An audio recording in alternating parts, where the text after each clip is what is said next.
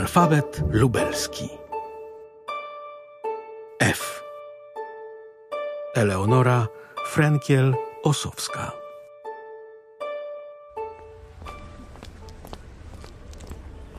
Ulica Wieniawska 6. Tu umówiłam się z Jarosławem Zimmermanem, choć tak naprawdę stoimy na ulicy Zielnej. A może to jest Bieczyńskiego.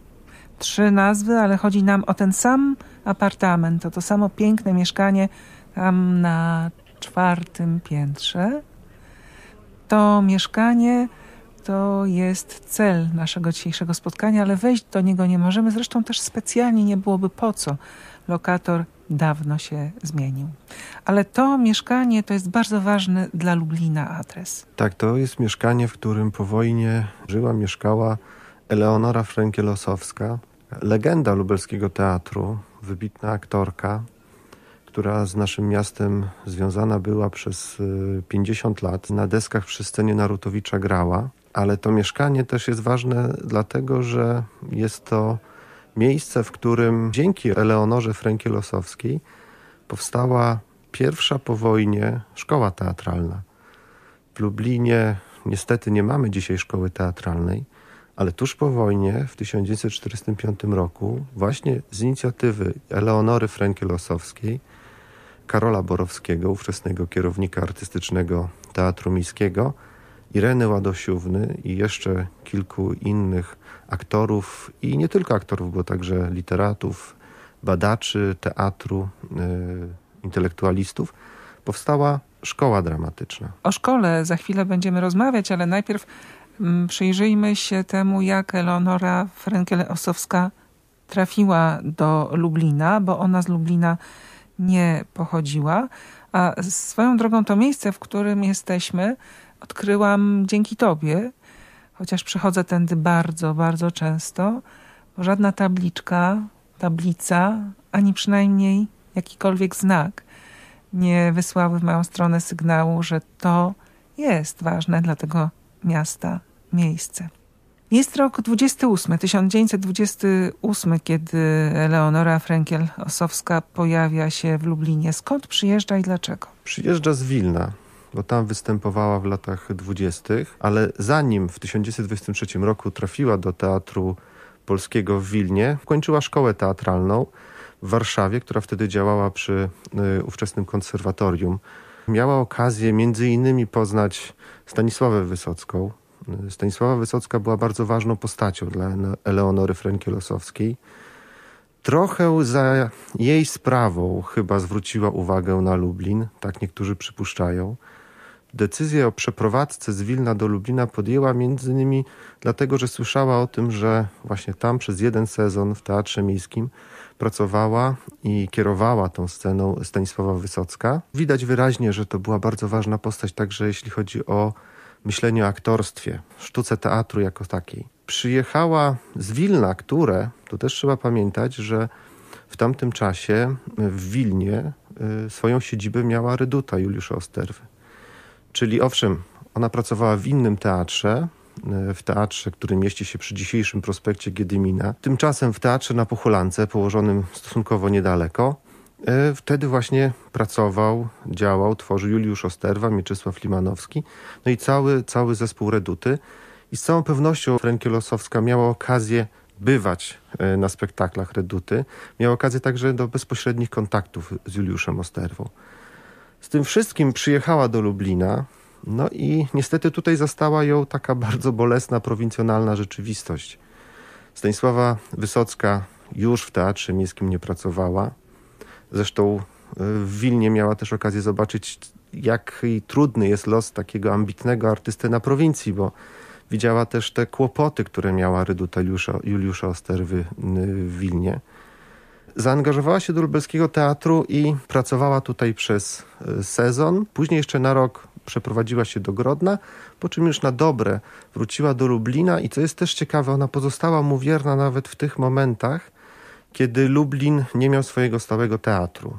To znaczy wtedy, kiedy po 1934 roku e, Lubelska Rada Miasta podjęła decyzję o tym, żeby scenę teatralną stałą w naszym mieście zamknąć i udostępnić budynek teatru Teatrowi Wołyńskiemu z Łódzka.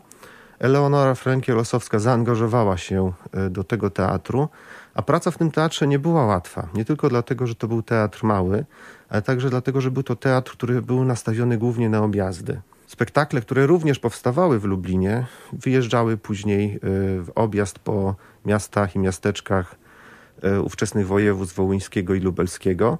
Co jest też ciekawe, takie myślenie o teatrze jako pewnej misji społecznej, no bo tym były w gruncie czy te objazdy, sprawiły, że Franki Losowska także na krótko związała się z teatrem małopolskim w, Stanisławowie.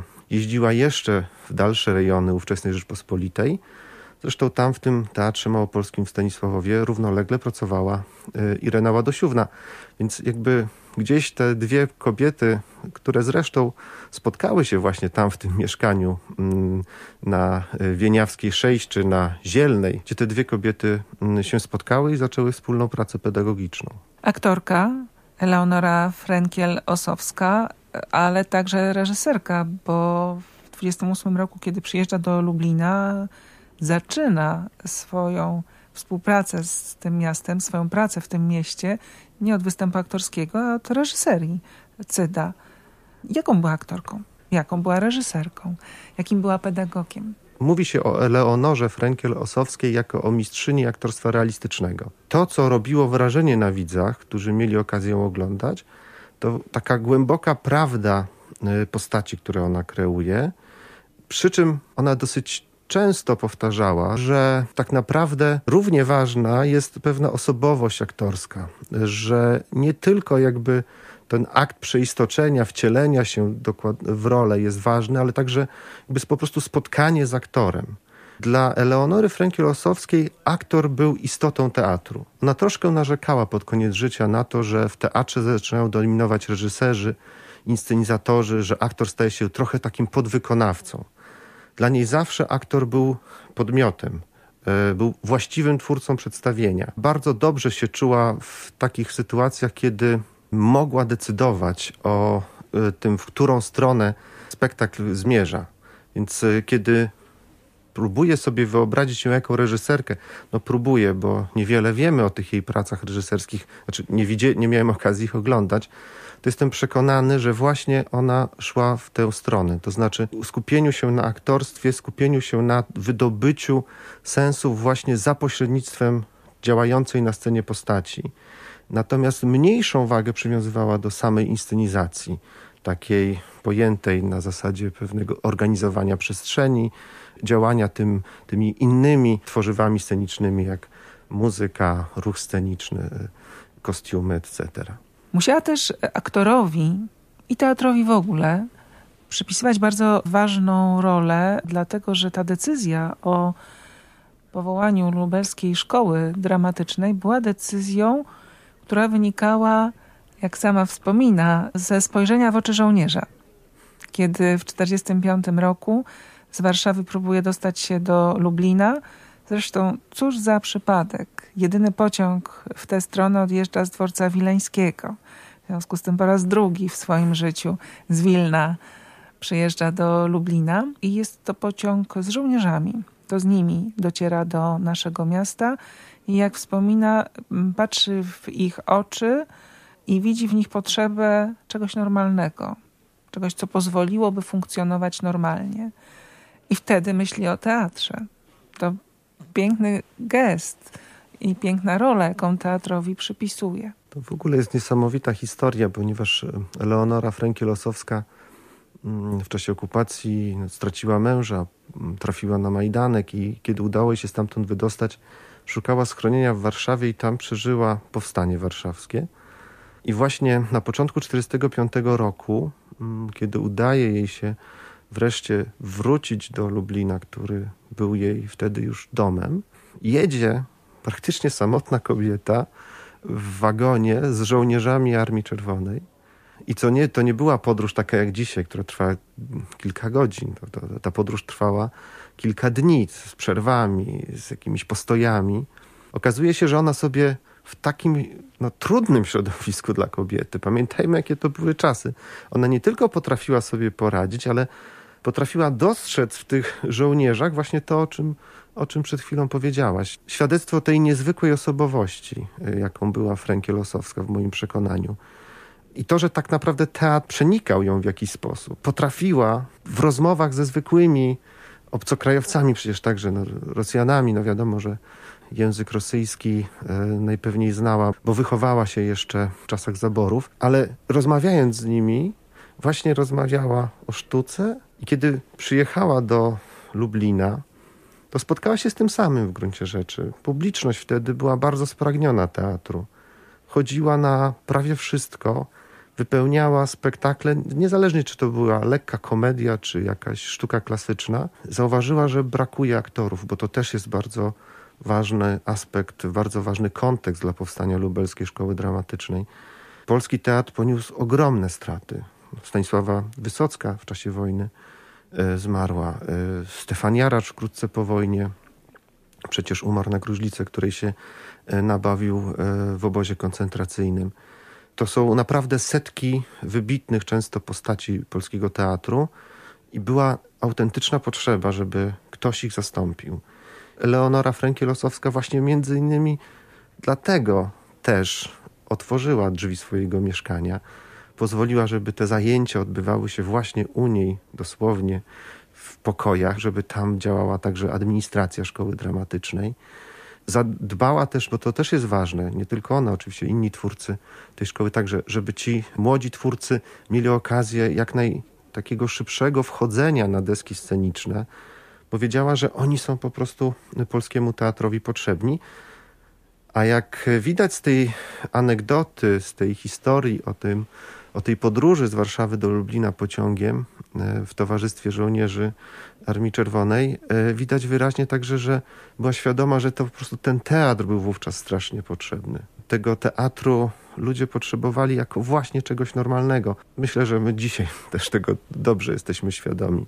Potrzebujemy teatru jako także pewnego świadectwa normalności, takiego poczucia, że wszystko toczy się swoim trybem, że teatr tak naprawdę jest częścią naszego życia. I Frenkie Losowska, mam wrażenie, że tak rozumiała teatr, że to nie było jakieś święto rzadkie, że to nie było coś specjalnego, nie w tym sensie, żeby to dezawuować, ale coś rzadkiego, coś takiego ekskluzywnego E, tylko właśnie coś, co może i powinno trafiać do szerokiego grona odbiorców i coś, co powinno i może nam dawać takie poczucie prawdziwego kontaktu między nami.